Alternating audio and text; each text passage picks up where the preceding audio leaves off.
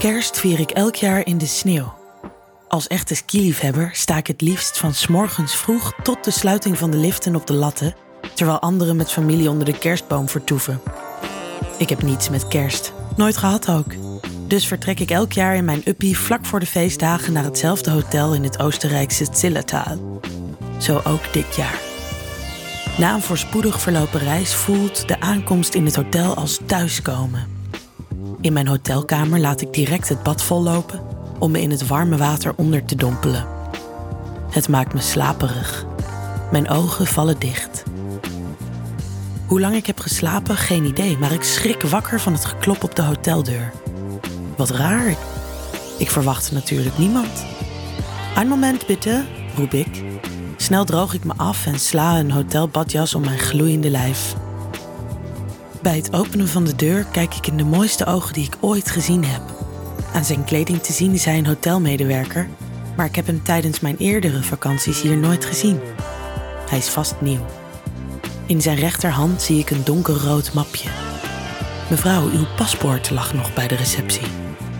Ik ben niet eens verbaasd dat deze hotelmedewerker Nederlands spreekt, zo nemen zijn ogen me in beslag. Ik bedank hem vriendelijk wanneer ik het mapje van hem aanneem. Wanneer ik die avond aan tafel schuif in het restaurant van het hotel, hoop ik stiekem dat Mr. Nice Eyes er ook is. Mijn hart maakt een sprongetje als dit zo blijkt te zijn. Eerlijk gezegd baal ik dat hij niet mijn tafeltje onder zijn hoede heeft. Tevreden met een knipoog en glimlach van hem, kruip ik later met gevulde maag het hotelbed in. Op naar een eerste skidag morgen. Die eerste dag weer op de latten is er werkelijk één voor in de boekjes. Het winterzonnetje schijnt en de pistes liggen er fantastisch bij. Ik drink warme chocomel bij een gezellige berghut, eet een Oostenrijkse schnitzel, kortom, topdag. Na heel wat kilometers in winterwonderland in de benen te hebben, laat ik me door de skibus naar het hotel brengen. Wanneer ik de deur van mijn hotelkamer open, zie ik een klein envelopje op de grond liggen. Mijn voorletters en achternaam staan erop. Ik schrik een beetje. Zou er iets ernstigs aan de hand zijn? Mijn jas, das en handschoenen gooi ik over de kapstok en ongeduldig open ik het envelopje. Wow, du bist zo wunderschön, staat er in een prachtig handschrift op een memobriefje met rechtsboven de naam van het hotel. Hopend op een afzender draai ik het briefje om. Helaas, die ontbreekt. Ik heb een sterk vermoeden, of is het hoop, dat het afkomstig is van Mr. Nice Eyes. Voor het diner haal ik mijn mooiste jurkje uit mijn koffer. Met wat mascara en lippenstift ben ik best tevreden wanneer ik mijn spiegelbeeld bewonder. In het restaurant van het hotel is me snel duidelijk wie de afzender was en dat valt me vies tegen. Een van de vaste obers die ik al jaren ken komt naar me toe. In het Duits vertelt hij me ontzettend blij te zijn wunderschöne dame weer te zien. De teleurstelling nestelt zich al in mijn poriën. Ik had zo gehoopt dat Mr. Nice Eyes de afzender van het briefje in mijn hotelkamer was. Deze man is totaal niet mijn type. Het contact probeer ik dan ook zo kort en zakelijk mogelijk te houden, wat hij overigens niet lijkt te begrijpen. Zijn flirtende houding kent geen nee. Een tikkeltje chagrijnig kruip ik die avond onder mijn dekbed. Ik had gehoopt op een andere kerstavond. Net als ik de lamp uitdoe, hoor ik een geluid. Er wordt geklopt. Rechtop zit ik weer in mijn bed. Weer hoor ik geklop.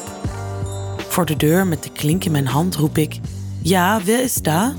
Mijn vraag wordt in het Nederlands beantwoord. Ik heb iets voor je meegenomen. Nederlands? Voorzichtig open ik de deur. Een fles champagne wordt door de kier van de deur geschoven. Wil je opgevrolijkt worden? Ik zag dat mijn collega ontzettend irritant naar je was. In zijn andere hand zie ik twee glazen. Ik open de deur wat verder en zie Mr. Nice Eyes tevoorschijn komen. Eh, wat? Uh, Wauw, kom binnen, stamel ik. Ik voel hoe het bloed naar mijn wangen stijgt. De kriebel in mijn buik verraadt dat ik aangenaam verrast ben met dit bezoekje op dit later tijdstip. Plotseling realiseer ik me dat ik in mijn short en shirt voor hem sta, waarvoor ik me verontschuldig. Hij pakt mijn hand en trekt me mee naar de twee stoeltjes. Maakt niet uit, joh, kom. Hij schenkt de glazen vol en voor ik er erg in heb, zitten we volop te kletsen. Mr. Nice Eyes is niet zijn naam. Het is Martijn. Hij komt uit Nederland en doet vakantiewerk in dit hotel. Een tweede en derde glas champagne volgen. Het maanlicht schijnt speels door het raam en blijft steken op Martijns gezicht. Zijn mooie ogen sprankelen net als de kleine bubbeltjes in mijn champagneglas. Het maakt me geil. Heb je het koud? Vraagt Martijn terwijl hij een knikje maakt richting mijn borsten. Ik kijk naar beneden en zie mijn twee tepels door het stof van mijn shirt priemen. Ik zet mijn champagneglas op het tafeltje en vouw beide handen om mijn borsten. Aan zijn glimmende ogen, die me ondeugend observeren, zie ik dat het hem niet onberoerd laat. Hij gaat achter me staan en fluistert in mijn oor. Heb je wat warmte nodig, mooie dame? Mijn kreuntje nodigt hem uit zijn grote warme handen over de mijne te leggen. Rustig beweegt hij onze handen in rondjes over mijn volle borsten, terwijl ik mijn hoofd tegen zijn buik laat rusten.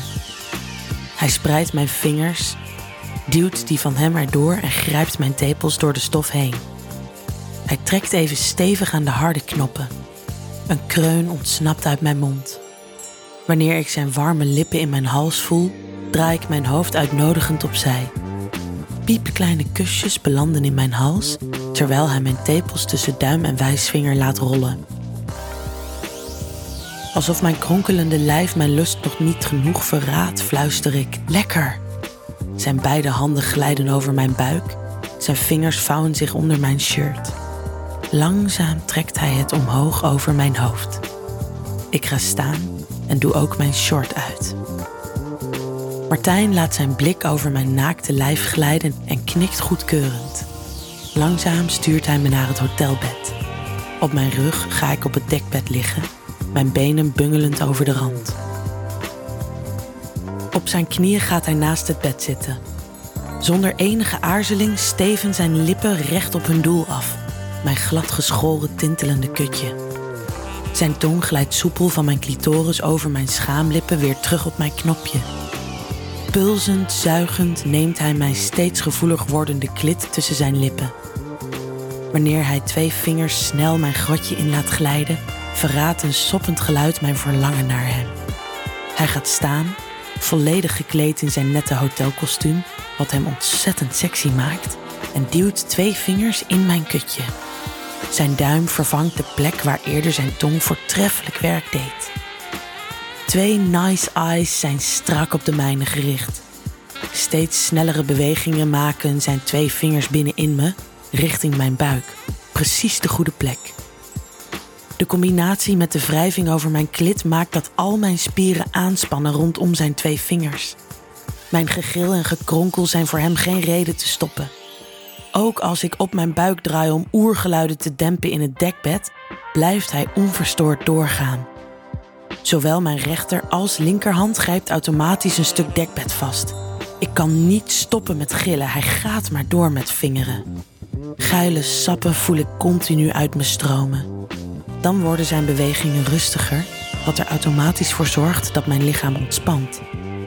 Ik draai me om en zie dat hij zijn pik uit de gulp van zijn zwarte pantalon heeft gehaald. Als toetje schuift hij zijn goddelijkheid mijn gloeiende kutje in. Uitnodigend laat ik mijn knieën opzij vallen. Terwijl hij rustig maar ritmisch in me stoot, trekt hij zijn colbert uit. Het ritme maakt me relaxed. Ik lach naar hem en fluister: Ga door, Mr. Nice Eyes. Zijn harde paal weet telkens feilloos mijn roze grotje te vinden, terwijl hij zijn witte blouse rustig openknoopt. Het zien van zijn gespierde, lichtgebruinde, strakke body in het licht van de maan maakt me nog gulziger. Het voelt magisch. Hij buigt zijn naakte bovenlijf naar me toe en kust me vol op mijn mond. Onze tongen zoeken elkaar verlangend. Met zijn voorhoofd rustend op de mijne blijft hij ritmisch stoten. In en uit, in en uit. Onze ogen blijven elkaar opzoeken. Ik zie ondeugd. Ik zie verlangen en geiligheid in de zijne. Plotseling worden zijn stoten harder, dieper. Automatisch knijp ik mijn ogen dicht. Open je ogen, prachtige dame, beveelt hij me. Ik kom bijna.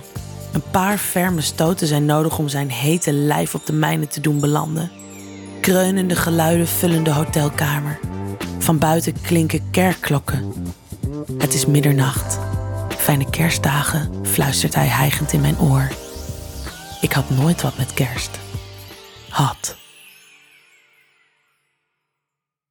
Wil jij nou meer spannende verhalen? Luister dan naar Charlie's Avonturen, een podcast van Easy Toys.